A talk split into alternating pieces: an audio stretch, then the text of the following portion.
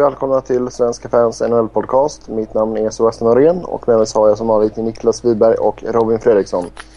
Hej och välkomna. Hej allihopa.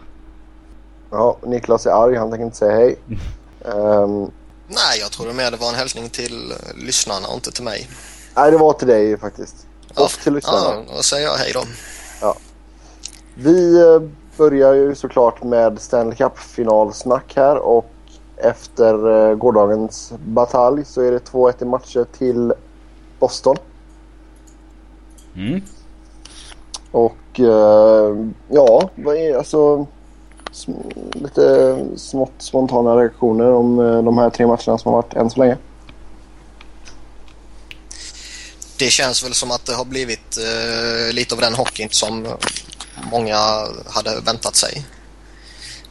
Um, det, det, känns som att eh, Bostons defensiv är så pass bra som alla trodde och förväntade sig och vissa hoppades och eh, sådär va. Eh, det känns väl också lite som att Chicago har fortfarande mer att ge och det är lite i det här sparkapitalet som man pratade om inför finalserien också i, i lite Kane och lite Toews och Hossa skadad nu senast till exempel. Så det, det känns som det finns mer att ge i, i Chicago medan Boston i princip presterar så bra som man kan tycka att de ska prestera. Mm. Jag, tycker, jag tycker det är intressant att Chara ser jävligt sliten ut. Så är du liten? Nej, sliten. Sliten. Sliten.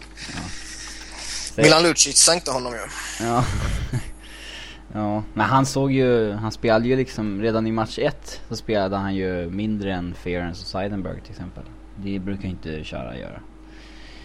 Um, sen så, det blir jävligt märkbart när han ser trött ut. För när man är sådär stor och är trött då ser man ju otroligt seg ut.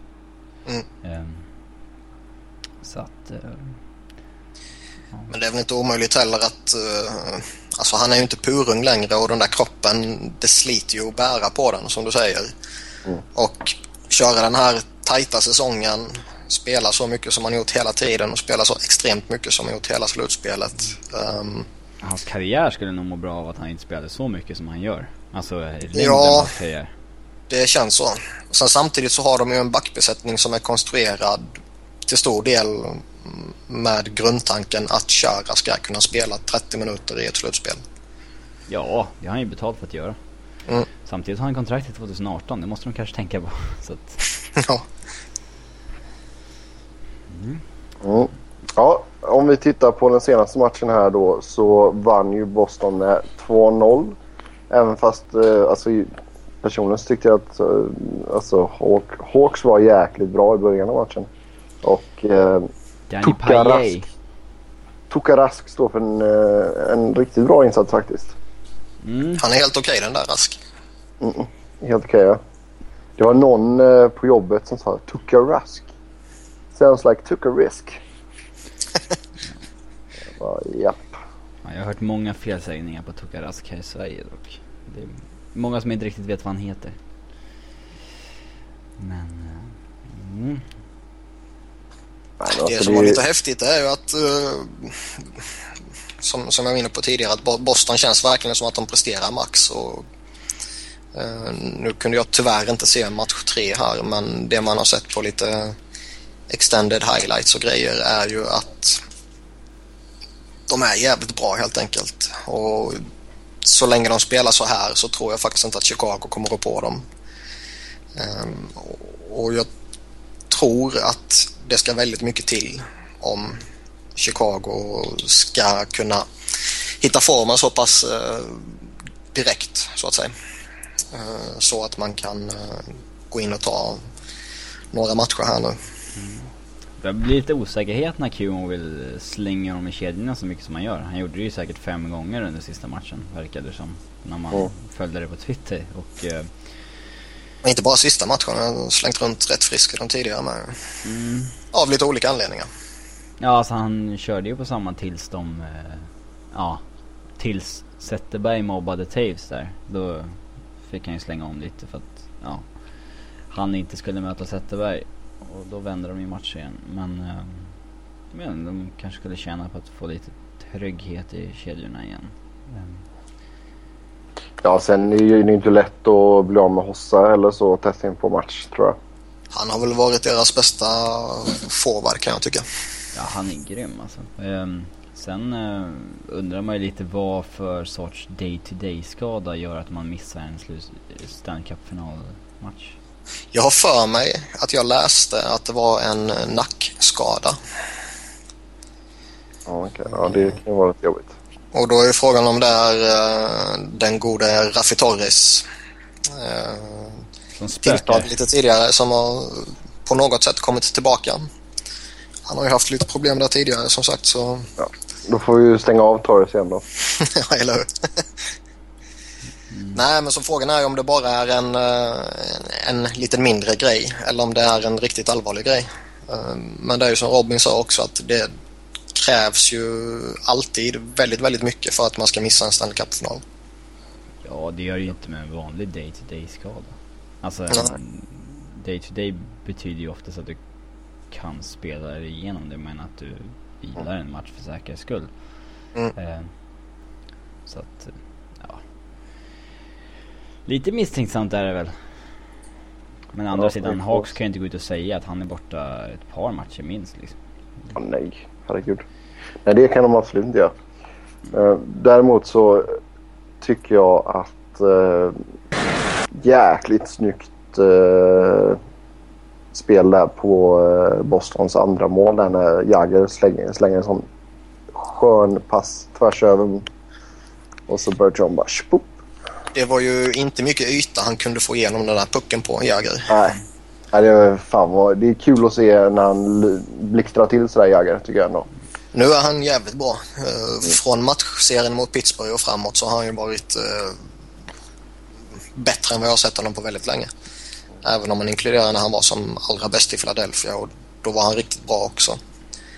Klart att eh, Jagger inte är optimal i ett lag som Boston, men i en mindre roll där han liksom får mycket PP-tid och sånt där så är, tillför han ju ändå någonting de har saknat liksom. Så är det. Ja. Även fast det inte är den typen av spelare de vill ha i frontlinen direkt. Mm. Nej, så är det verkligen. Och tittar man på pappret om man ser Marchand, Bergeron och Jagger i en, i en kedja så känns det som att det är väl kanske inte den kedjan som man egentligen vill matcha mot motståndarens toppspelare. Eh, om man då tittar på framförallt Jagger. Men jag tycker ändå att det fungerar fantastiskt bra. Ja, Bergeron kan ju spela ensam mot toppkedjan. I princip. Jag såg någon, bara, någon på Twitter "I som skrev this." att eh, han var NHLs mest överskattade spelare. Det eh, känns väl lite fel va? Ja, om någonting så är han väl underskattad. Han, han ska väl vara lika, ha lika mycket cred som till exempel Taves. Det har han ju inte. Alltså inte i, eh, i eh, folkmun liksom. Där anses ju Taves vara en... Skulle man be någon average NHL-fan rangordna 10 bästa centrarna i NHL så skulle ju inte Bergeron hamna så högt upp som han ska hamna. Det har du nog en god poäng i. Ja, det håller jag absolut med om. Vad, vad säger vi om Viktor, Viktor Stålbergs in och ut i line-upen för eh, Chicago? Ja, jag vet. Det, hans ersättare Bolig där, han fuckade ju upp i match två. Eh, så att... Ja... Jag vet inte. Stålberg... Men det, det känns väl lite som att det var eh, som vi också pratade om inför matchserien att Chicago kommer på något sätt försöka hävda sig mot Bostons fysik. Och ett steg i det var ju att sätta in uh, Bollig. Mm. Så det, det känns väl som att det var, det var den som var den, den avgörande delen av att göra det bytet. Sen tycker jag det är tråkigt när en sån som Ståberg inte får, får lira för den skridskoåkningen och den kraften kombinerat som han har eh, är sannolikt väldigt, väldigt effektiv mot eh, just ett lag som Boston. Mm. Eh, Ja, Framförallt ju- nu när en sån som Hossa är borta. Ja, sen det är ju inte så att han är jätteliten direkt heller. Nej. Han är ju, det han saknar är ju liksom lite hockeyhjärna och sådär på det sättet. Man har ju skridskoåkningen och kraften liksom. Och, OK skills. Så att um, han kan ju ta många roller. Mm. Om vi blickar framåt här nu då. Det är en match till i Boston och eh, den spelar natten till torsdag. Så eh, beroende på när ni lyssnar på det här så den kanske redan är över. Eh, vad, vad tror ni kommer hända i match 4?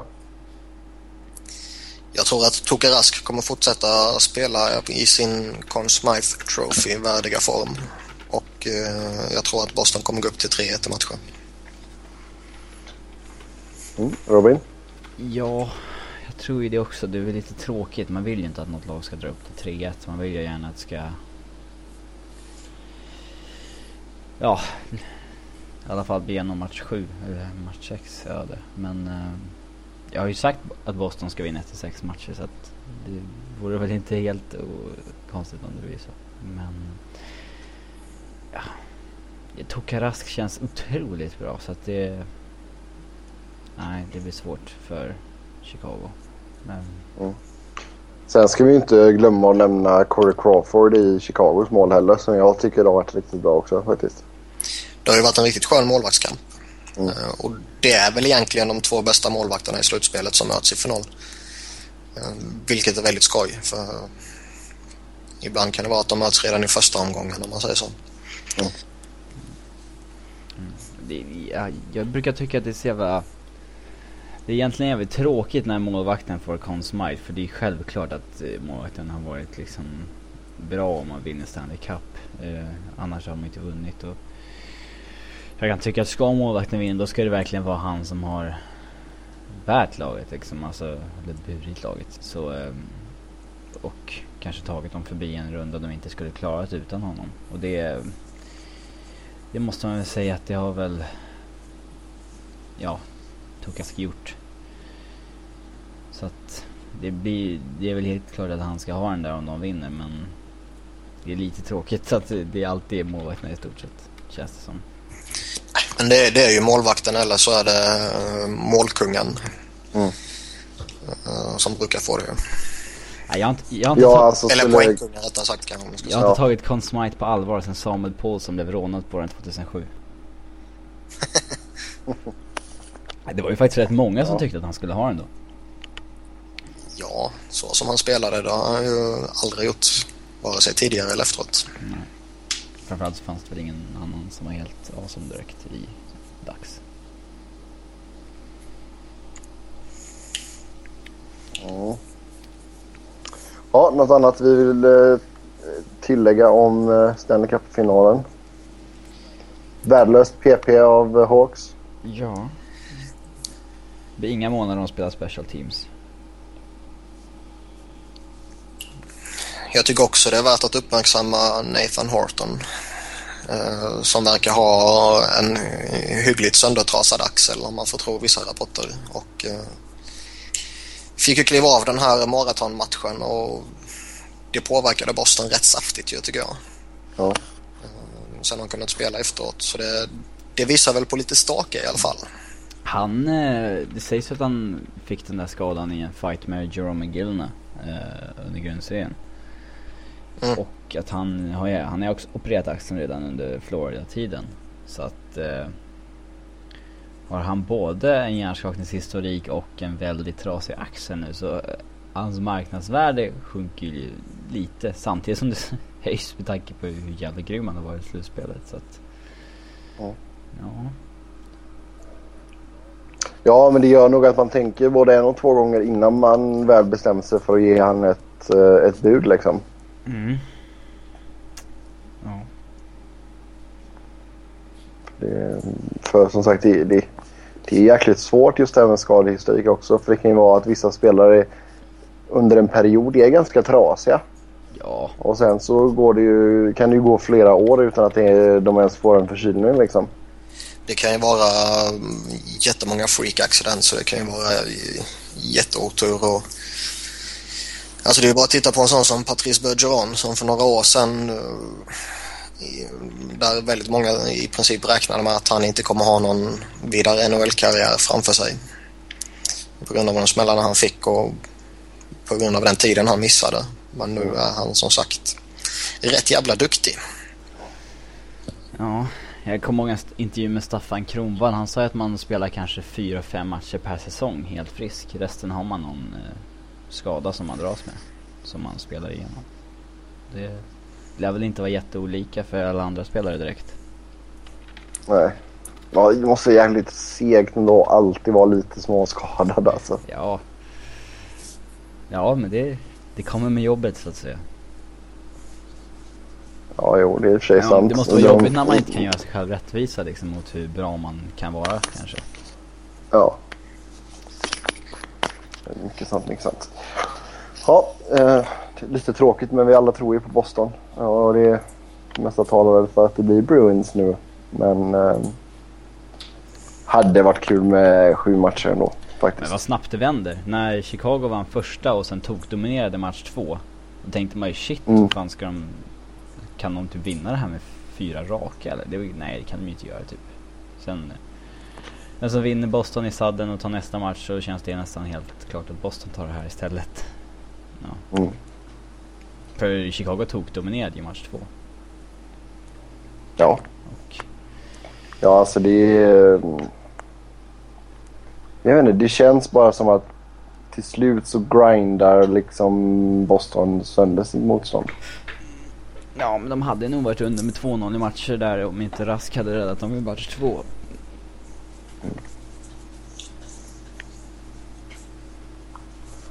Ja, men sen vad fan. Chara prickade ju stolpen med, vad var det? Några dryga minuten kvar i match ett av tredje liksom.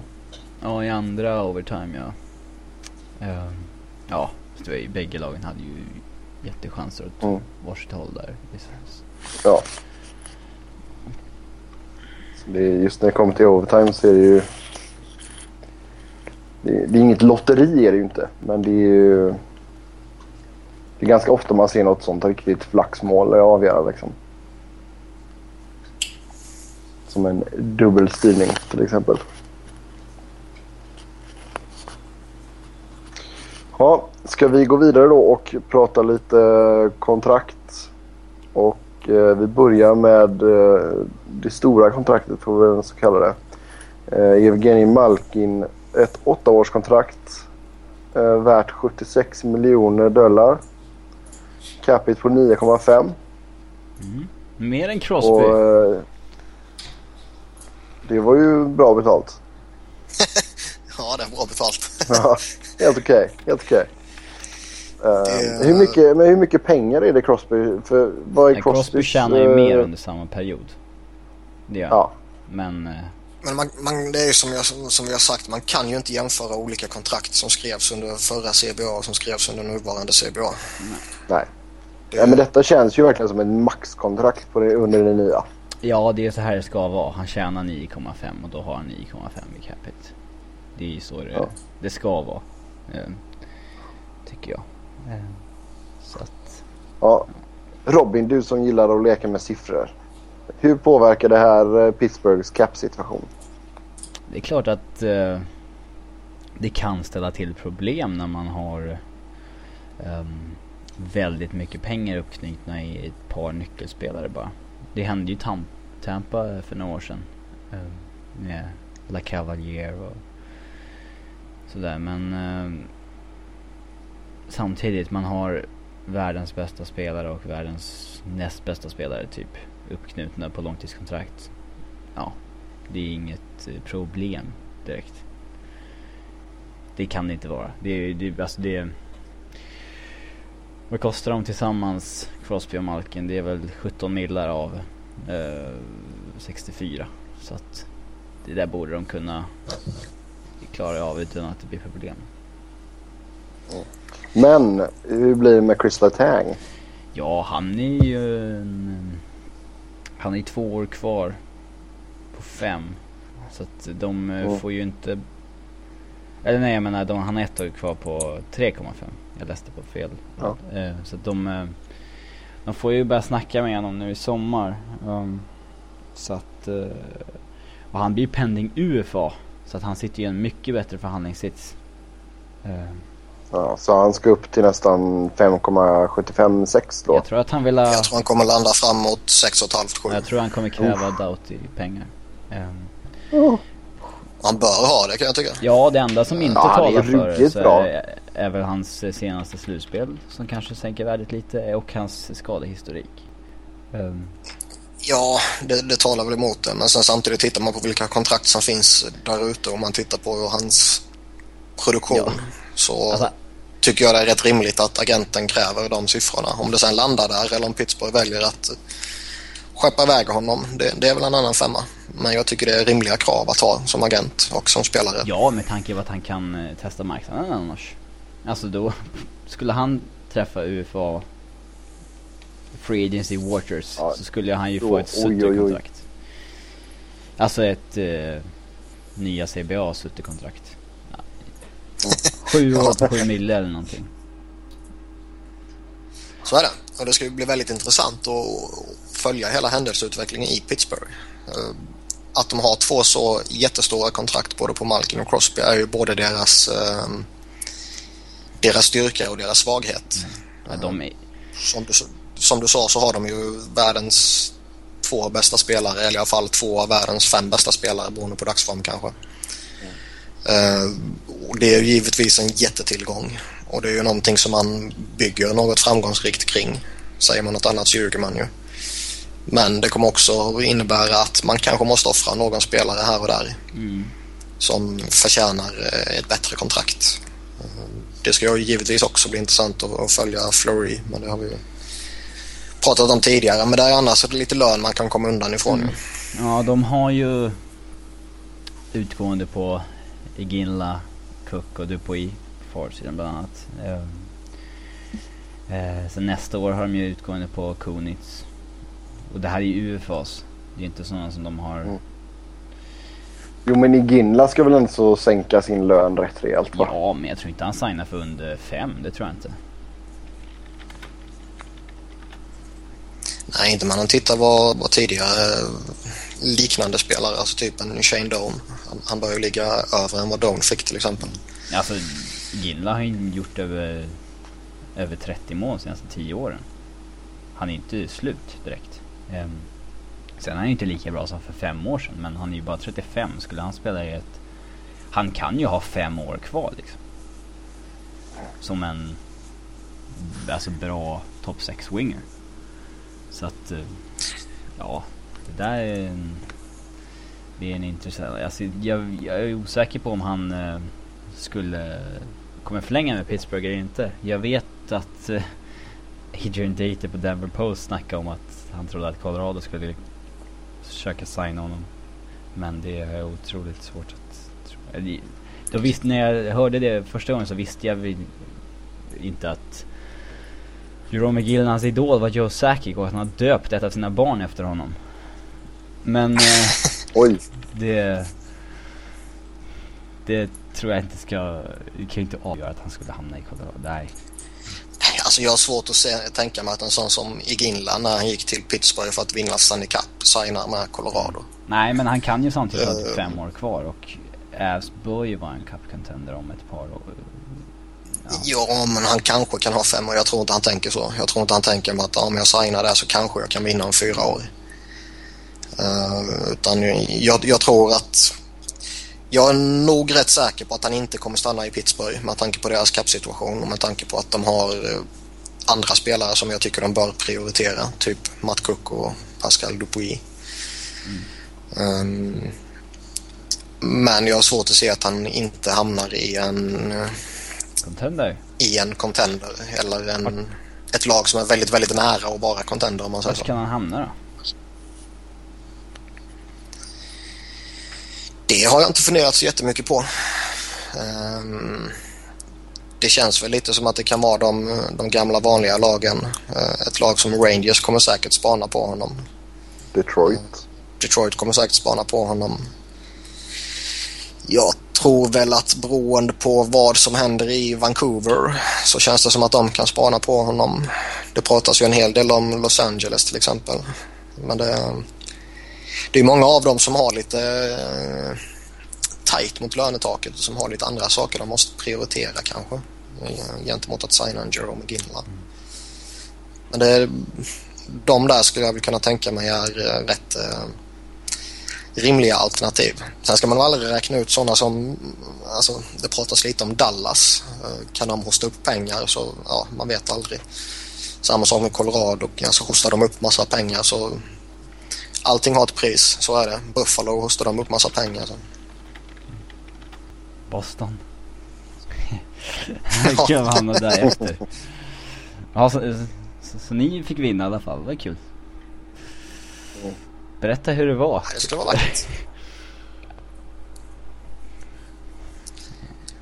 Men det känns som att det kommer vara väldigt spännande när uh, Slash om han når Free Agency. För vilket, med tanke på vilka summor det var snack om med Shane Down när han var UFA och ja. alla de jävla resorna han gjorde över hela Nordamerika så tycker man att sån som Jerome McGinley bör väl dra ett liknande intresse. Ja, vad fan. Var inte Buffalo som erbjöd 7 mille per år för Doan? Typ över fyra år. Ja. Det är sjukt. Ja, det är lite i häftigaste laget kanske. Ja. Ja. Eh, då går vi över till eh, Philadelphia Flyers som tradade till sig rättigheterna till Mark Strite från New York Islanders. Eh, ett fjärde val och Shane Harper. Och sen så kritade Strite på ett fyraårskontrakt. Ehm, 5,25 miljoner dollar per säsong. Eh, och Niklas, hur, hur, eh, hur gillar du hur det här ja, spelade ut eller ungefär? Jag har extremt tudelade känslor. Jag har fortfarande inte kommit fram till om jag gillar det eller om jag inte gillar det eller om man bara ska vänta och se liksom. Det finns väldigt, väldigt mycket positivt med den här dealen. Men det finns också väldigt, väldigt mycket negativt med den. Eh, börjar man med det positiva så fyller han en väldigt viktig roll i laget. Han är inte den här första backen som man behöver men man fick en väldigt kompetent offensiv back. Som kommer förbättra försvaret avsevärt. Ett år sen eh, man... ersättare till Matt Carl är det ju. Ja, ja, om man ska hårdra det så är det ju det. Um, även om man tycker att Straits offensiv är snäppet bättre. Ja. Men Matt Carl är ju givetvis en uh, ur ett långsiktigt perspektiv ett, eh, ett bättre alternativ, så är det ju. Men han, alltså han är skicklig med puck. Han kan åka skridskor. Han har bra skott. Han är riktigt bra i powerplay. Um, en stor fördel är ju att även om han är uh, gammal så har han ju inte 15 tuffa NHL-säsonger i ryggen. Vilket gör att hans 35-åriga kropp inte känns som en random 35-årig NHL-kropp så att säga. Nej, säsongen innan NHL har han ju spelat 40 matcher per år i Schweiz. Ja. Uh, det viktigaste som jag ser är att man inte gav upp något för att få honom. Och jag räknar inte Shane Harper eller ett fjärde val som något av liksom, vikt. Mm. Uh, och jag tar ju hellre Mark Straight på ett kontrakt som är kanske ett år för, för långt och lite överbetalt än att uh, offra någon av Braden Chen och Sean Couture för att få en eh, något bättre och något yngre back. Men när, när Straight uh tradades då det rapporterades att han ville ha fyra år. Och då trodde man väl, ja då kommer vi väl mötas kring tre år kanske. Och när man sen hörde att han hade signat för fyra år, då tänkte man okej okay, men då kommer ju han ha för kompromissat med att ta en lägre... På lönen? Ja, men ja. det hade han ju inte. Nej, alltså det här är ju ett kontrakt han skulle fått om han skulle gått eh, till Free Agency. Så mm. är det inte är det möjligtvis att eh, en, en viss budgivning skulle kunna trissat upp det till ja, 5,5 eller 5,75 eller sådär. Men det, det, är ju ett UFA-kontrakt det här. Eh, och att man bytte till sig hans rättigheter. Det enda det gav det var ju exklusiva förhandlingsrätter. Det, det gav ju ingen rabatt på något sätt ju. Nej, han blir ingen um, RFA sen är det ju... han bytte till sig rättigheterna direkt.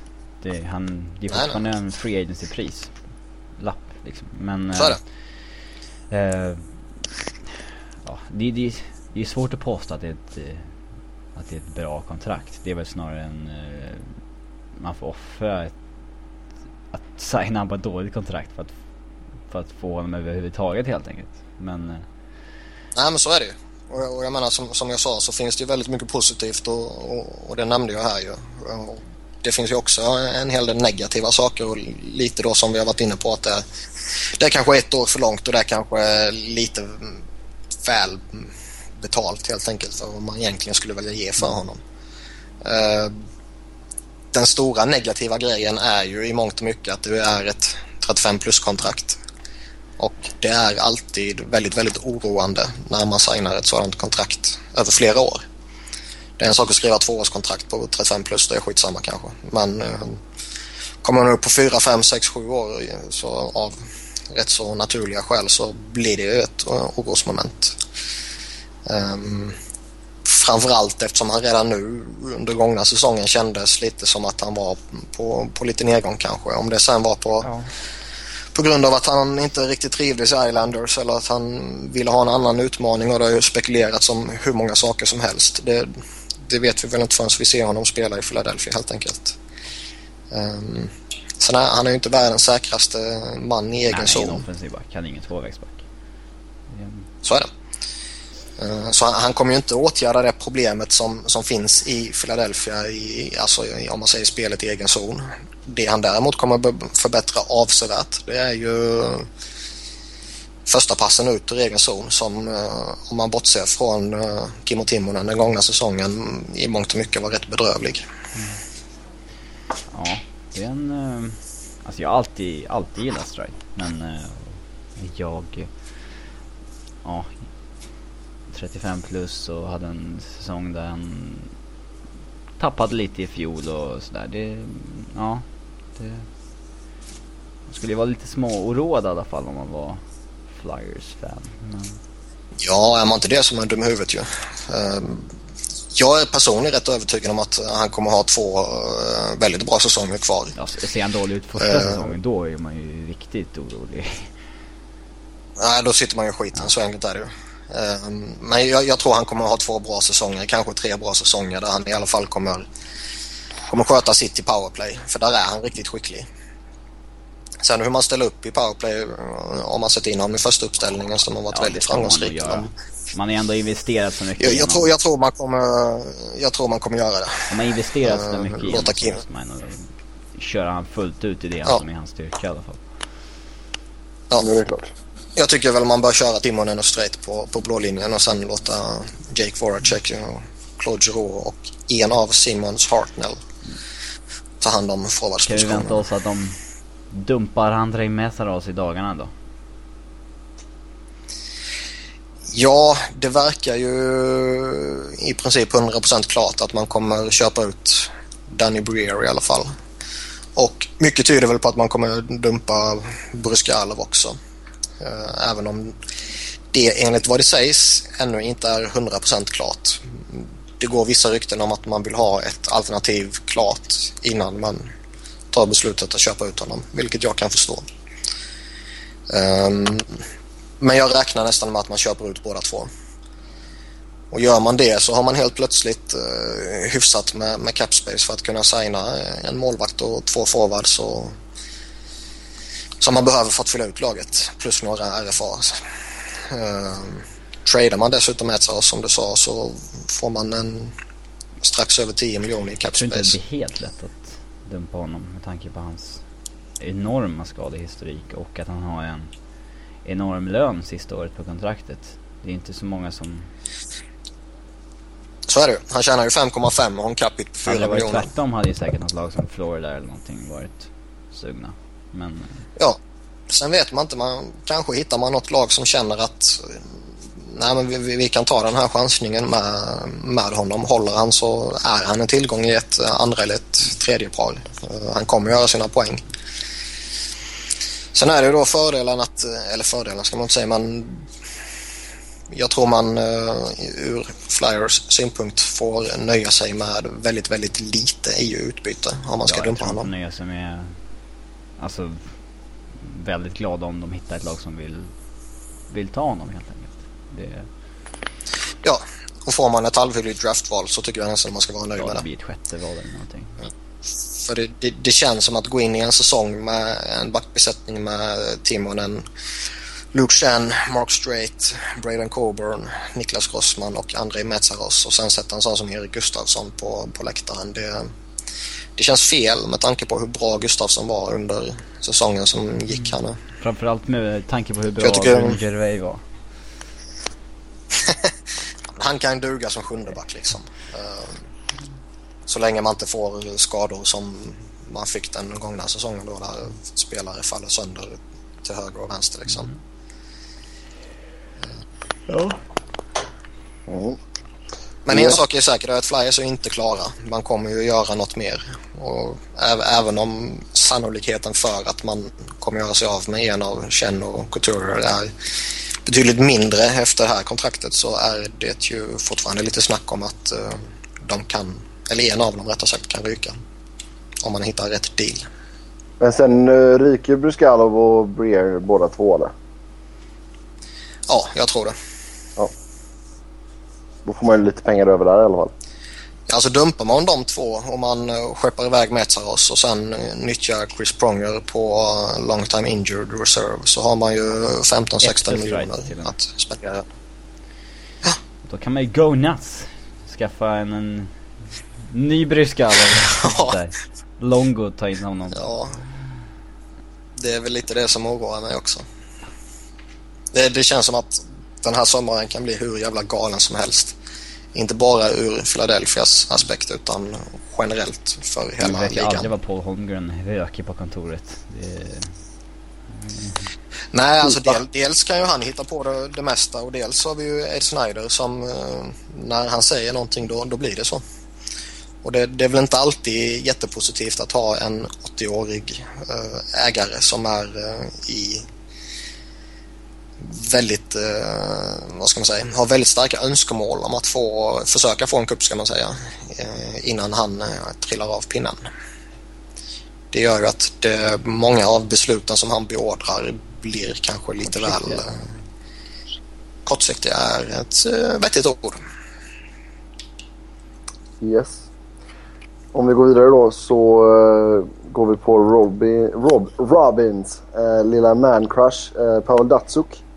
Som har skrivit på eh, en kontraktsförlängning på tre år med 7,5 miljoner det capita. skulle vara min man crush. Min Detroit-polare tycker att jag Det är din- eh, verkar inte gilla Datsuk. Ja, Alltså? det får man säga att han kanske inte Ja. är världens bästa spelare. Men, ja. Jaha. ja. Men, eh, ja. Jag sa ju att han, är, han skulle Nej, in... bro, jag tycker du har varit, snäll mot Datsuk i många program tycker jag. Ja då. Därav man-crushen. Så eh, take it away. Ja, jag har väl ingen man-crush på honom. Eh, det är en bra spelare, det är det. Inget snack om saken. Eh, även om han är lite överhypad i, sitt, Ja. i det defensiva snacket liksom, tycker jag. Men det är, det är en diskussion som man har tagit så många gånger fram och tillbaka så det pallar man väl inte göra igen liksom. Det som däremot är intressant är ju att det här också är ett 35 plus-kontrakt och det oroar alltid, framförallt när det är över några år och med en sån här saftig cap hit, alltså 7,5 miljoner är ju mer än vad han hade på nuvarande kontraktet. De här nuvarande var ju nästan lite under ett- underbetalda vissa år va? Så är det. Och nu, nu kan jag väl tycka att han är... Eh, det är lite för mycket pengar för ett 35 plus-kontrakt. För en spelare som jag tycker är på nedgång. Och det innebär inte att jag säger att Nej, han är jag tycker dålig. inte att han eh, är på nedgång på det sättet. Alltså om man kollar vad han ut, uträttade den här säsongen så tycker jag absolut inte att han verkar... Det är det som jag tycker bör oroa lite men det kan också vara en slump av att schemat var så väldigt tajt och Ja, han leder ju bla bla bla 13 liksom. innan han kom också. Ja, men det är att jag, jag, jag tycker att han... Eh, alltså efter de här 48 matcherna och en bit in i slutspelet då kändes det som att tanken var inte jättefull. Och det, jag menar, det, det kan vara jättemånga eh, faktorer som påverkar som du säger. Det kan vara KHL och sen ett tajt spelschema och sen slutspel är ju alltid tufft liksom. Men jag tycker att man framåt säsongen och framförallt i, i slutskedet då i slutspelet var eh, tydliga signaler på att han inte är lika bra som han en gång var. Han kommer inte göra 100 poäng igen. Och då är frågan... Nej, Och då är frågan, jag tror inte han, eh, alltså nästa år har han ju fortfarande sitt befintliga kontrakt då ju. Och då är frågan hur, hur kommer han vara om, om tre år? Hur kommer han vara om fyra år? Kommer han vara en, en spelare man vill ge 7,5 miljoner för då? Nej men det, det, det, det är lite uh, som med Strike-grejen. Antingen så tappar man honom gratis, får inget alls. Eller signar honom på ett kontrakt som är lite... Det är liksom... Ja, antingen... antingen lite overkill. Det, mm. Jo, Nej, men det, jag hade också jag, valt att resigna honom då. För att alltså... Ja men det är klart, de hittar ju inte en likvärdig spelare på marknaden utan att ge Nej. upp väldigt många tillgångar, så är det men fanns det några uppgifter på hur mycket han hade förtjänat i KHL ifall han hade dragit Nej, det är jävligt svårt att jämföra för där skattar de ju inte heller, typ hockeyspelarna. Det... Nej. Så att, nej jag vet inte. De bara, här har, här har du en påse mm. pengar. Allt under bordet. ja, typ. Nej, nej, inget Men det sades ju att både Malkin, Kovalchuk, Datsuk och Ovechkin erbjöds väl typ 100 miljoner euro eller någonting. Eller 10 miljoner euro per säsong eller någonting. Eller vad det nu var. För att stanna i KL när det var lockout. Om de gjorde det, stannat kvar. Så att, eh, och man vet ju att alltså KHL som liga eh, skulle ju betala extremt mycket för att få en av deras ryska fixstjärnor från NHL som fortfarande är i toppklass till KHL. Det hade ja, ju varit ett ja, extremt lyft för hela... Alltså Radulov i all ära men det är inte som att Malkin mm. eller Ovechkin eller Datsus eller Kovalchuk skulle spela där på, på heltid. Då får de hoppas på Bobrovski. Ja. ja. Det skulle ju lätta lite för Flyers-fansen om han i alla fall stack dit. Istället, istället för att ja, vara en toppmålvakt i NHL. Men... Ja, han kanske, han kanske spelar i det nya laget i Vladivostok. Vladivostok, ja. är det som man säger? Ja, det är det. det ehm, när han tradades till uh, Columbus så köpte ju SKA Sankt Petersburg upp hans rättigheter i KHL direkt. Det ryktades väl då att han inte hade varit så nöjd med att tradas till Columbus. Men så här ett, ett år... Men vem skulle varit det när det skedde? ett år senare så tror jag ju att uh, han känner lite annorlunda kring det.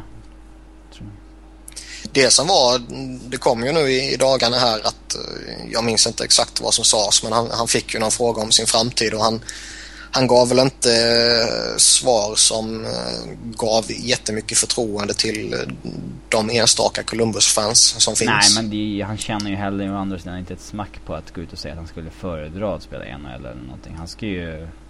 Om han vill tjäna så mycket pengar som möjligt kan han ju det, säga att han... Ja, inte har bestämt sig mellan KL och NHL helt enkelt. Att bägge alternativen är öppna och ja. Så är det, men det är sådana kommentarer är alltid någonting som får en supporter i skara att bli väldigt, väldigt oroliga. Mm. Så det ska bli spännande att se vad som händer. Signar han ett jättelångt kontrakt med Columbus? Signar han ett kortare kontrakt med Columbus? Um, eller sticker han? Ja. Jag, jag vet vad jag hoppas på. ja. Jag hoppas att han kommer tillbaka till Flyers. Nej, det känns som att det skeppet har seglat. Ja. Man vet ju att han skulle vara skitdålig ja. om han tillbaka till Flyers också. Tänk om ja, Flyers skulle resigna honom i Free Agency på ett Bryscal-kontrakt. Lika kass. Så. Ja. ja, fy fan. Men jag tror det, alltså jag tror du, Nick, jag tror inte det i alla fall, men tror du att uh, Flyers kommer hosta upp ordentligt med pengar för en målvakt? Äh. Nej, jag, jag, jag tror att uh, antingen går man efter uh, Jonathan Bernier uh, om man kan få en, en hygglig deal med LA eller ja. så tar man en sån som Niklas Bäckström på... Eller Timmy T. ja, alltså Bäckström på två eller tre år eller Tim Thomas på ett eller en år då liksom. Jag, jag, jag tror det är de alternativen man spanar på. Ja, okay. ja, sen har vi Niklas framtida man crush, Logan Couture. Eh, fem, fem år, en capita på 6 miljoner och eh, en spelare som verkligen har vuxit under säsongen får man ju mm. säga. Jag såg att en del Sharks-fans hoppades på att han skulle signa för typ fem.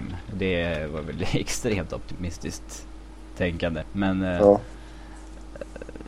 jag, eh, jag var väl väldigt intresserad av att se vart det här kontraktet skulle landa på. För att det var ju Många har varit inne på att det här skulle vara en måttstock ungefär vad Matt Duchene skulle hamna på.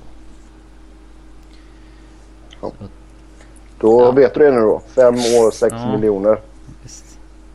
Det som är mest intressant med detta kontraktet tycker jag är att det kan signalera ett eh, i början på, eller fulländande om man ska säga så, på ett generationsskifte i Sharks. Eh, För när hans kontrakt kickar in här så blir både Joe Thornton och Patrick Muller UFAs. Eh, Och de har Joe Pavelski de ska förlänga med också som, som bara är ett år kvar och han bör väl få lite mer än sina fyra miljoner nu liksom. Ja, han ska ju ha fem i alla fall. Ja, det känns som han ska öka lite. Ehm, och frågan är, kom, kom, kommer... Det är bara, bara, bara 25 procents ökning. Bara lite. Det, det duger. Då är frågan om ska Thornton och Möller, dumpar man någon av dem? Uh, tradar man iväg någon om, om möjligheten finns? Eh, skriver man mindre kontrakt med dem? För jag har ju svårt att se att man skriver eh, likvärdiga kontrakt som de har nu, även om det bara är över någon säsong liksom. Jag skulle väl Mm. försöka höra mig för med, bägge de där sitter vi på någon form av no movement klausuler dock. Men eh, höra mig för med andra lag om det finns intresse för dem. Um, för byter man bort dem i sommar så kan ju de lagen signa dem till en extension direkt. Om det, om Joe och Marlö ger liksom tummen upp till att de går dit, gärna. Liksom. Mm, Eh, mm. Det är är inte en möjlighet de har haft tidigare när de har bytt, kanske velat byta bort dem där. Men eh, eh, Ja. samtidigt så gjorde en jävligt bra säsong med dem i år. Och eh, kan liksom Couture ta ännu ett steg och bli lagets ledare och jag menar det kan ju, det var ju inte långt ifrån att räcka väldigt långt i år. Nej. Man har ju lite andra spelare. Om vi fortsätter Sharks här lite snabbt bara. Så eh, Man har ju TJ Galliardi, James Shepard och eh, Andrew Desjardins. Som alla blir eh, RFA. Ja men det är ju bara depth-spelare. Och sen eh, ja, Raffi Torres, Scott Gomez och Tim Kennedy som blir UFA. Tillsammans med eh, Scott Hannon och eh, backup-målvakten Thomas Grice. Jason Demers får vi inte glömma heller. Det är väl kanske den mest intressanta för deras Ja, han blir. RFA där ja. Ja. Eh, men de, nu har de inte så jättemycket de, de ska skriva nytt med. eh, som, som, som är dyrt. Någon förutom Demers.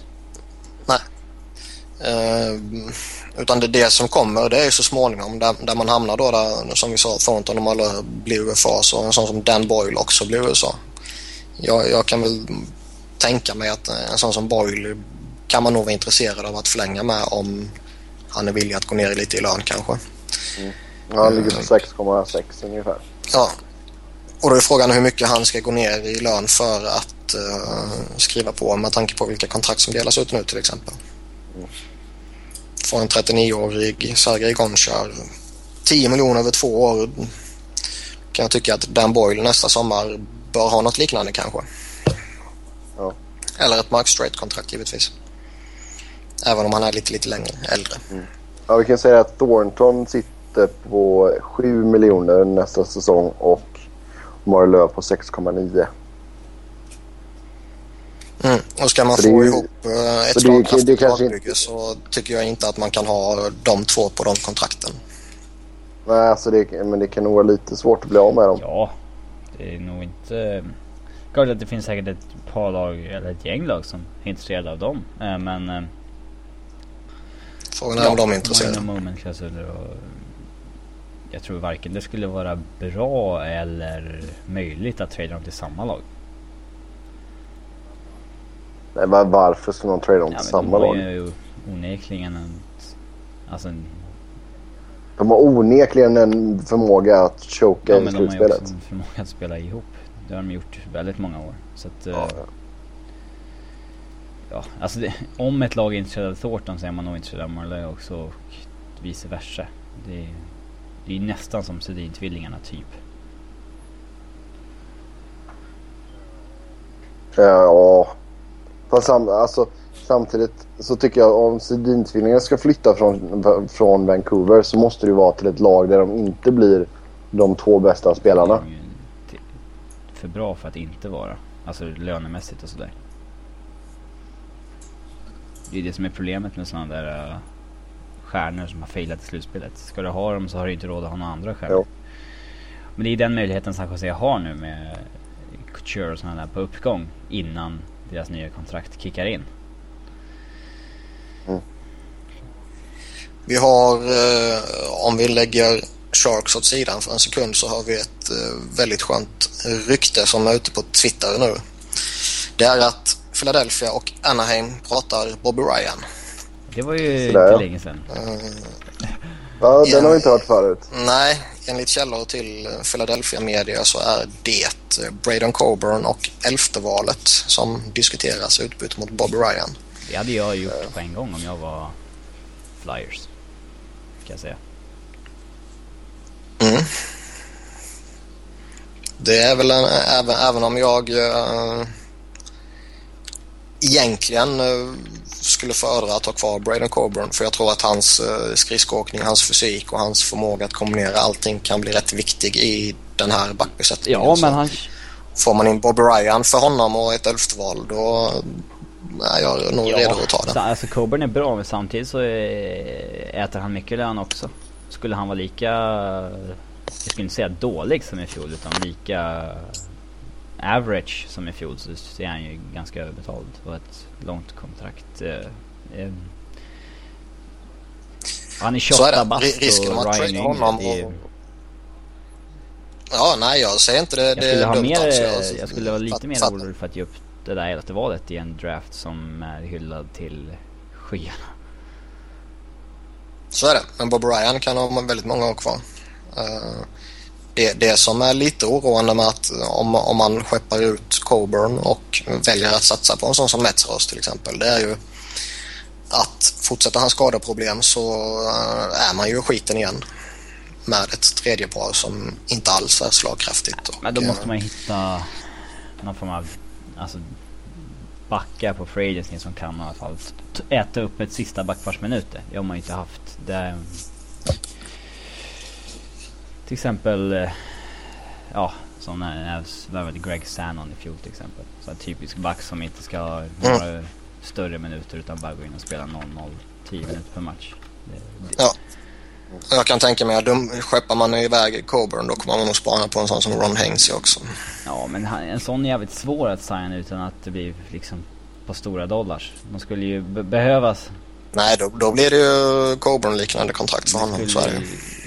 De- skulle ju behöva hitta en... Uh, alltså typ en... Shane O'Brien eller något sånt där som kan signa för en miljon på två år. Och ändå vara okej. utan att det blir en Bruno Gervais liksom. Så är det. Yes. Ja, sen så eh, Slava Vojnov har skrivit på ett nytt kontrakt med Los Angeles Kings. Sex, eh, sex år och eh, 25 miljoner dollar är det kontraktet värt. Så det blir ungefär 4,17 miljoner per år. Ja, Vi får hoppas att eh, han blir klass nu när han har fått betalt.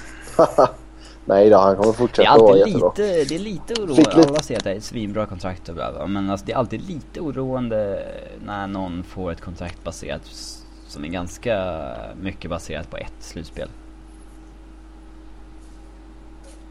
Jag skulle inte säga att det är baserat Nej, bara men på slutspelet i och för sig. Adilla är ju säkert på några extra Ja, hundratusen. minst. Eller kanske en halv, kanske en halv miljon Ja, till absolut minst. Men... Eh,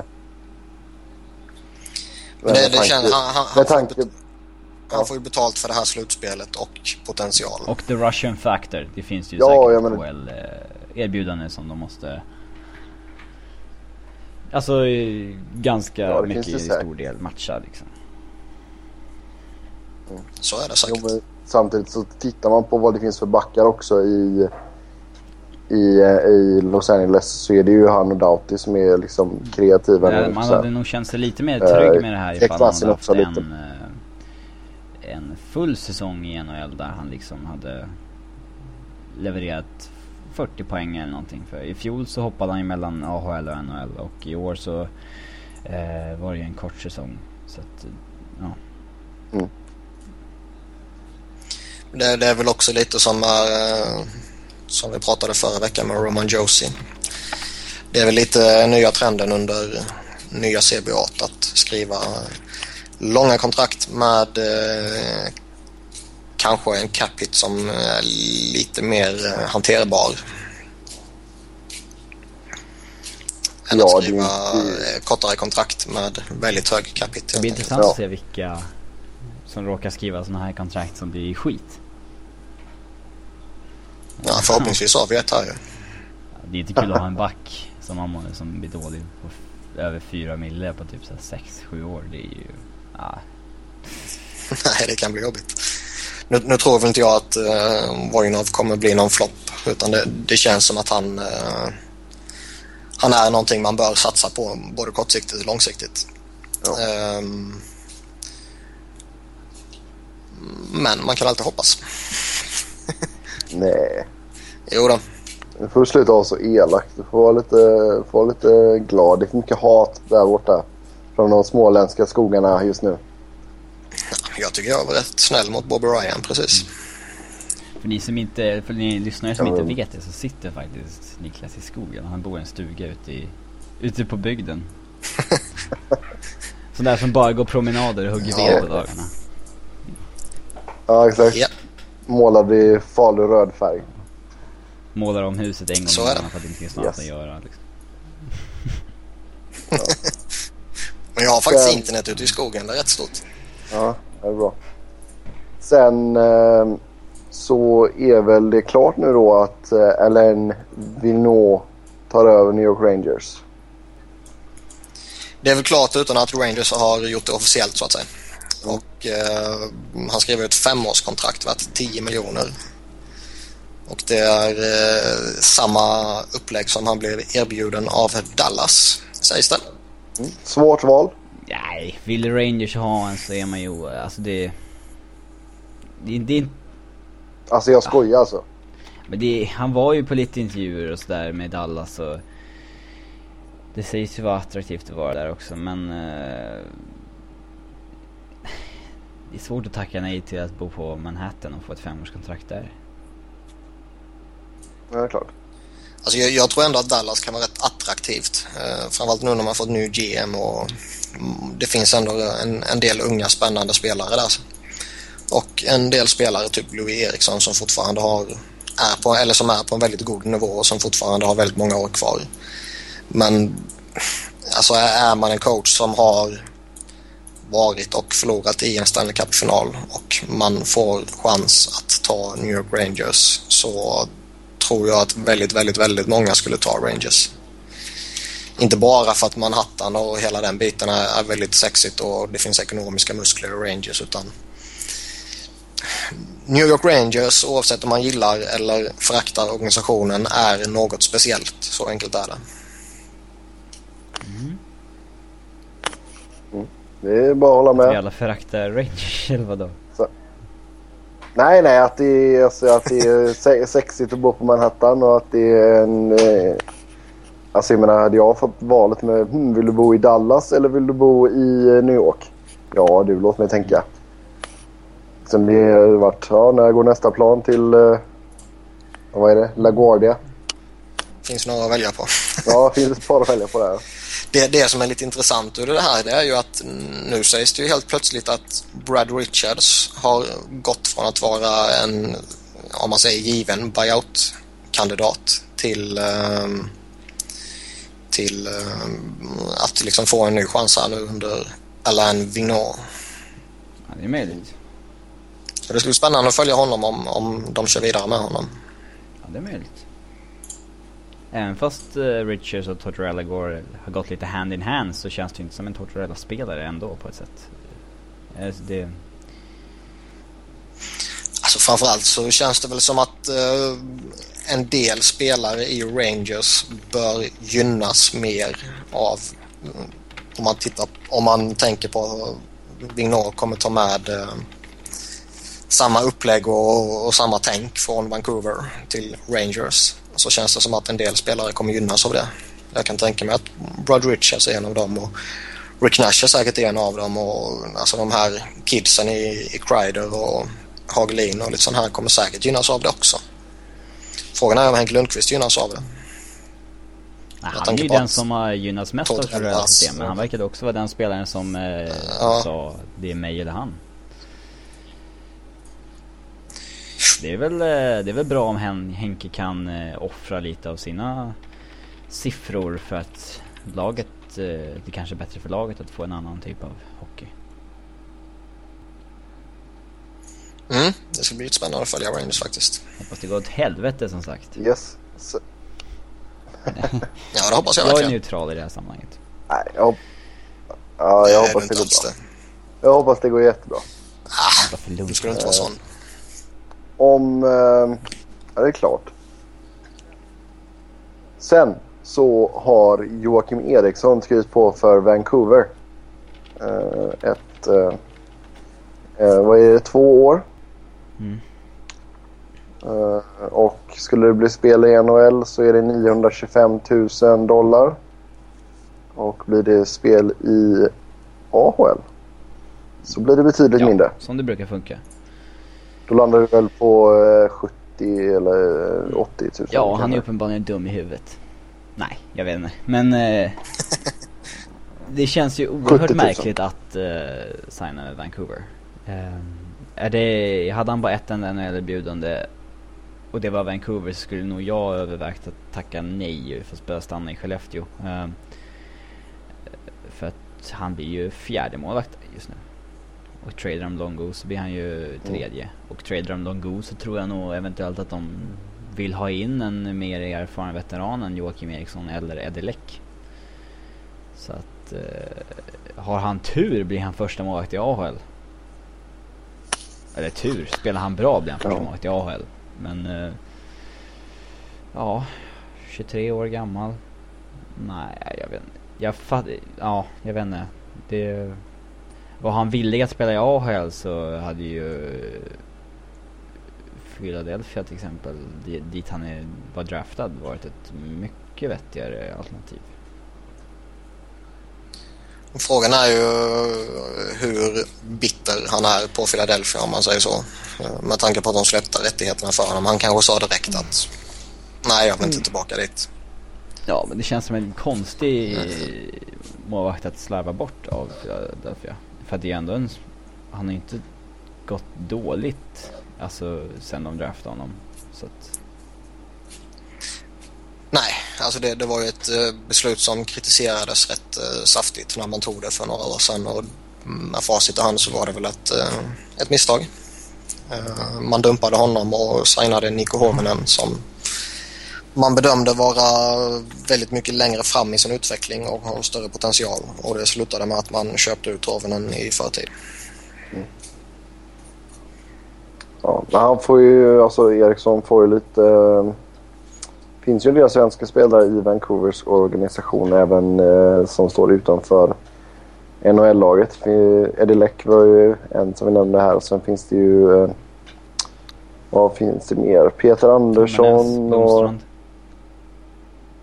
Blom, Blomstrand där ja. Gammal mm. djurgårdare va? Ant, ant. Eller gammal. Killen är 20 bast. Eh. Han bara massa skit. Ja, Vancouver som har skaffat ett nytt AHL-lag. Eh, Utica Comets. Som ligger eh, mer eller mindre tvärs eh, över hela kontinenten. Känns alltid optimalt att ha ett, en, ett AHL-lag som ligger... Ja, herregud. Ja. Ta två dagar med flyg liksom. Kallar man upp dem så kommer de helt jetlaggade liksom. Det där, det där är fums. Där får man faktiskt inte ha det. Lägg av med det där. By, byt! Ja, det, det tycker jag faktiskt är lite löjligt. Avgå alla. Nej men jag menar, jag ser ju ingen anledning till varför inte liksom, lagen på västkusten kan ha sina AHL-lag i, liksom, lite närmare i alla fall. Jag säger inte att alla lag behöver ha sitt AHL-lag i samma stad men alltså du kan väl ha det i alla fall i samma delstat ifall det går eller i en eller två delstater ja, över. Helst ska liksom. det ju ta Men, 12 eh, timmar att kalla upp en spelare typ. Max 24. Eh, tycker jag. Ja, alltså. Jo men det känns ju lite löjligt att liksom ha det verkligen tvärs över hela kontinenten. Jag menar Phoenix uh, AHL-lag i Portland, Maine som verkligen är alltså yttersta spetsen och på Portland, Maine, liksom. inte Portland, Oregon. Som vi, som vi alltid, det är viktigt Exakt. att påpeka Portland, or Ja, ja, men absolut. Det är ju som Simpsons det där. Uh, vilken stad är de bor i nu igen? Uh, Springfield. Det finns ju hur många som helst. Uh, nej, men alltså... Portland, Oregon hade väl varit ganska lugnt. Men Portland, Maine känns ju lite väl långt borta. Mm.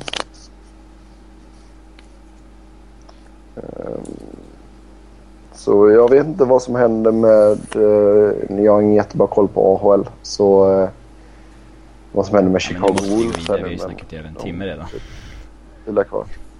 Ja, ja, okej då. Eh, vi går över till lite rykten då. Och eh, vi kan börja med att eh, Calgary sägs ha erbjudit tre första val, nummer 6, 22 och 28 för eh, Colorados första val och blivit nekade. Vad tycker Robin om det här? Bra. Alltså det... Mm, varför? Hade de haft tredje valet eller kanske till och med fjärde så hade det varit intressant. Men det känns som att topp tre det är liksom garanti på eh, franchise player i år. Och det är klart att man kan hitta spelare som eh, Getzlaff, Perry, Mike Richards, Claude Giroux liksom sent i första rundorna men det är inget jag skulle vilja chansa på. Alltså det är sjätte, ja, jag vet inte. Skulle ni ha tagit det eller?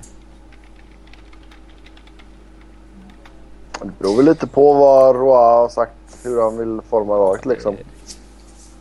Jag tycker nu, nu när det finns tre sådana jättetydliga alternativ för de ja, tre första platserna som de var inne på så tycker jag att eh, det bör krävas något speciellt för att man ska ge upp ett topp tre. Varit, hade inte de andra två varit under alltså 22 och 28 så hade det nog kanske, alltså hade det varit om alla hade varit topp 20. Om det hade varit sjätte, typ tionde och sjuttonde eller någonting. Det hade, 18. hade kanske... Mm. Fast inte ens då tror jag nog att de hade gjort det. det... Sen det snackas ju lite också att eh, Colorado säger nej till det här. Lite också för att de är irriterade på Calgary efter Ryan O'Reilly-affären. Ja, men Alltså det, ja, jag tror nog att de hade nobbat i alla fall. Det tror jag med, men jag tror att det blir väldigt mycket enklare att göra det nu. Calgary kanske kommer sen på draftdagen och säger hej du får alla våra ja. draftval. de gör en Islanders. ja, det har varit trevligt. Då var bra desperat alltså. Ja, annars så eh, Steven Wise, eh, Florida. En spelare som vi trodde skulle flytta vid trade deadline men som eh, gick och blev skadad istället. Och eh, det är ju en del lag då som kan vara sugna på hans rättigheter här nu. Bland annat eh, Toronto, Dallas, Detroit eh, sägs ha kontaktat Florida och även eh, lite rykten kring New Jersey. Och eh, Niklas, vad, vad säger du om en sån som Wise? Det känns ju lite som att han eh, flyger lite under radarn eh, i snacket här nu för hans namn nämns ju i princip ingenstans. Eh, vilket ändå är lite märkligt för det, jag tycker det är en skicklig spelare. Han levererar med uh, poäng, alltså trots att han spelar i ett skitlag. Så är det han är väl ingen som går in och leder ditt lag och det är väl liksom ingen som du bygger ett framgångsrikt lag kring. Men det är en jättekompetent komplementspelare som utan problem kan gå in i en andra kedja i, i random topplag och vara en uh, väldigt viktig Det känns ju som en sån center som, som du sa, inte leder sin kedja, inte är topplag i alla fall. Men har man någon bra, riktigt bra winger och saknar en toppcenter då kan man liksom ha, då duger Wise. Som till exempel ifall Calgary hade tagit in Wise med Iginla för några år sedan. Eller ifall eh, en optimal lösning skulle väl vara att för Wise att fylla andra centerhålet i Chicago. Mellan eh, Sharp och Hossa exempelvis jag kan tänka mig att uh, ett sånt lag som Detroit kan vara väldigt intresserad av honom för att kunna sätta ihop Zäta och Dachuk ja. och få en, ett saftig, slagkraftig mm. första kedja. För Detroits liksom. fall så gäller det väl lite med att välja mellan Filppel och Weiss dock. Jag skulle tagit Weiss. Mm. Mm, alltså när vi snackar Toronto där. Toronto, eh, de har ju försökt att signa om, eh, eller göra en kontraktsförlängning, kontraktsförlängning med Tyler Bosak då. Men det verkar inte gå något vidare direkt. Har ett och, alltså, Ja, men är, är, det, är Wise rätt kille att ersätta i så fall? Jag kan nog tänka mig att han väldigt gärna vill dit i alla fall. Med tanke på vart han är född. Det, det är... Mm. Jo, men alltså det, det, Toronto behöver ju en ordentlig första center. Är, är det verkligen Wise? Det, det är lika Nej, nej, det är det ju inte. Uh, men, men sen, ja exakt. Ja. Typ. Så ni hade, tagit, hade ni tagit Wise ja, före Bosak? Ja, alltså Weiss är ju en, en, spelare som kan spela i topp 6 och göra det väldigt bra. Sen som sagt så har han ingen som går in och leder laget. Tyler Bosak ser jag väl främst som en, en tredje center. Mm. Ja, och, och liksom det... För de kvaliteterna han har så tycker jag det är märkligt att det pratas, som, som Robin sa, om ett Grabowski-kontrakt. Um, det är en spelare jag inte alls skulle ha något emot att, att ha i, i min tredje kedja som center där, för där fyller han en funktion. Um, men... Inte för de pengarna. Nej, definitivt inte för de pengarna. Jag kan förstå Bosak med tanke på att Grabowski fick ett sånt kontrakt när han var första center och levererade ungefär lika mycket. Och sen så gör Bosak en liknande säsong de första center och vill väl ha ett liknande kontrakt. Uh, antar jag. Det är väl liksom naturligt antar jag. Men uh, jag har svårt att se Toronto göra om samma misstag två säsonger i rad. Alltså du, ta det lugnt i Toronto vi pratar om. Där, det är inte samma... Uh... Nej men alltså det är klart och för de som inte vet så tjänar Grabowski 5,5 miljoner om året. Herrans massa år. I en eh, del år ja. Så... Eh, mm. Det är intressant. En annan spelare som Toronto sägs ha sugna på är ju David Clarkson. Ja, ytterligare en eh, likt Steven Wise. En, eh, en hemmason född i Toronto. Så att eh, de som har koll på hockeykulturen i Toronto och vet hur eh, det är att växa upp och spela hockey i Toronto. De eh, har nog en aning om hur gärna spelare som Clarkson och Weiss skulle vilja spela i Toronto. Så att eh, det är nog inte helt omöjligt. Det känns väl som att det är en spelare som bör passa in eh, hyggligt i deras eh, lag också. Sen tror jag inte att Uncle Lou i New Jersey kommer skeppa iväg hans rättigheter. Och jag tror, det, det pratas lite också om att Eh, Clarkson kommer ge Devils möjlighet att matcha vilket bud han än får på, som free agent. Då liksom. Och mm. Så tar han ett beslut sen om de säger ja eller nej och etc. Eh, det känns väl lite som att eh, han kan få ett rätt galet kontrakt på rätt många år och rätt många miljoner. Mm. Och liksom spelartypen har jag inte alls något emot att få in. Men uh, som sagt kontraktet kan nog vara lite... Uh, för en spelare som kan det kommer det vara. med en spelare i en andra kedja.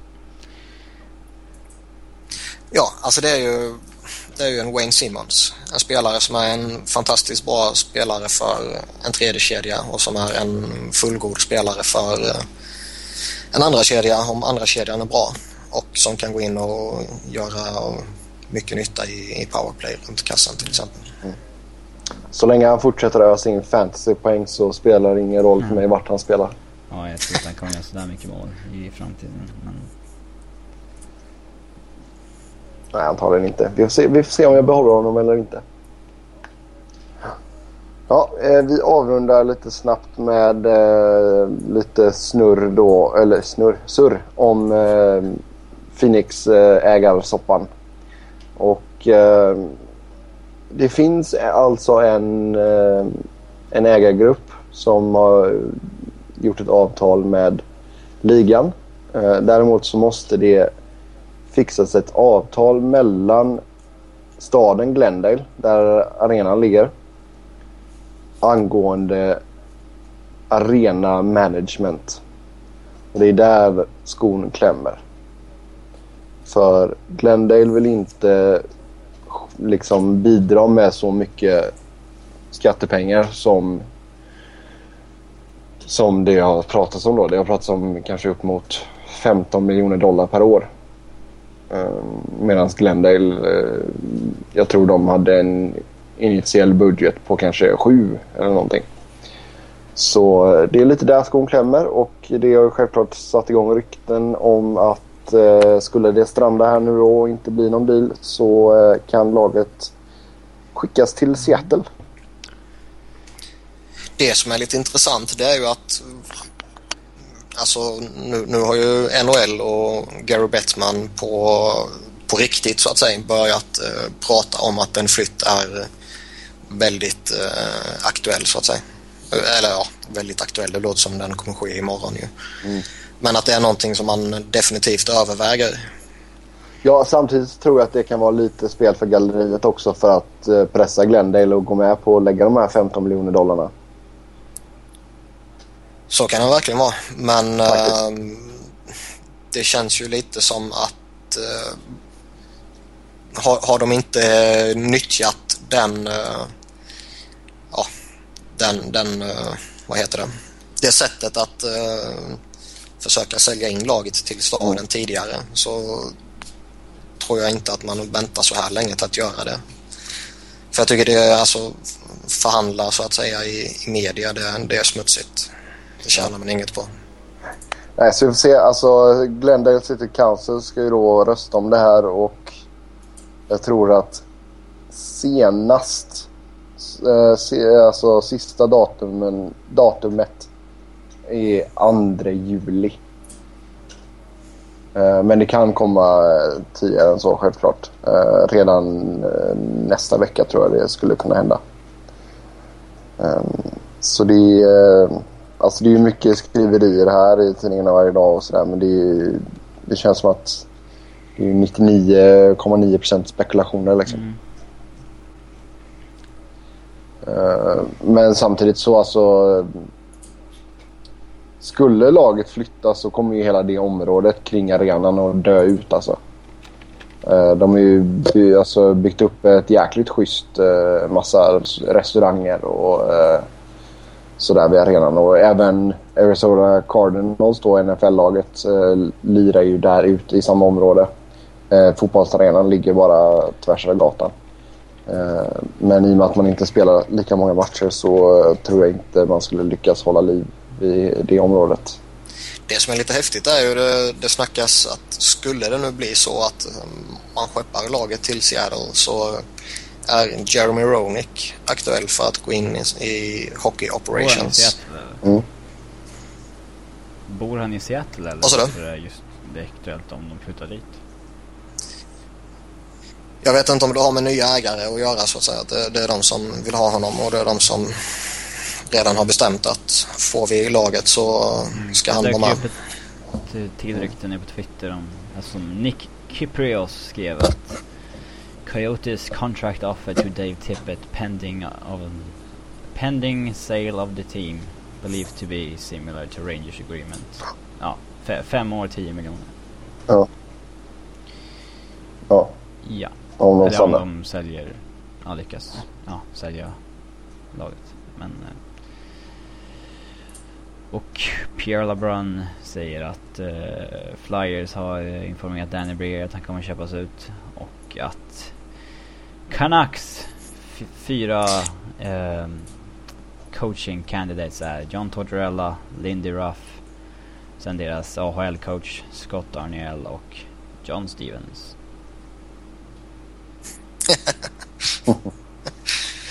kan ju säga ja. också att Eklund bekräftade ju igår eller i förrgår att uh, Breer skulle köpas ut också. Kan Eklund på svenska.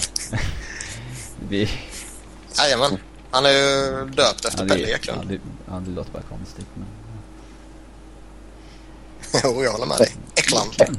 Eklund. Ja. Nej men alltså det är som sagt. Det är, alltså jag är så trött på den här soppan så det är... Vill bara ha ett slut på det faktiskt. ja, det, det finns inget som är så tröttsamt att läsa om Phoenix ägarrykten. Det måste jag hålla med om. Nej. Nej och sen det, alltså, det är ju ett riktigt underkänt betyg för ligan också att behöva ha ägt laget i fyra år. Ja, men det var väl aldrig planen att de skulle äga laget jättelänge. Eller det var, var väl meningen att de temporärt skulle äga laget bara. Ja exakt och det har gått fyra år nu. Ja, ja det är inte bra. Nej, det är inte bra. Men men vi får se. Eh, Så fort någonting är klart så kommer ni självklart kunna läsa om det på Svenska fans. Eh, Vi tackar för oss för den här veckan. Eh, Vill ni köta hockey med oss så går det bra att göra det på Twitter. Mig hittar ni på @sebnoren. Niklas på Niklas Wiberg, Niklas med C och Robin på R underscore Fredriksson. Ha det gott. Hej! Nej.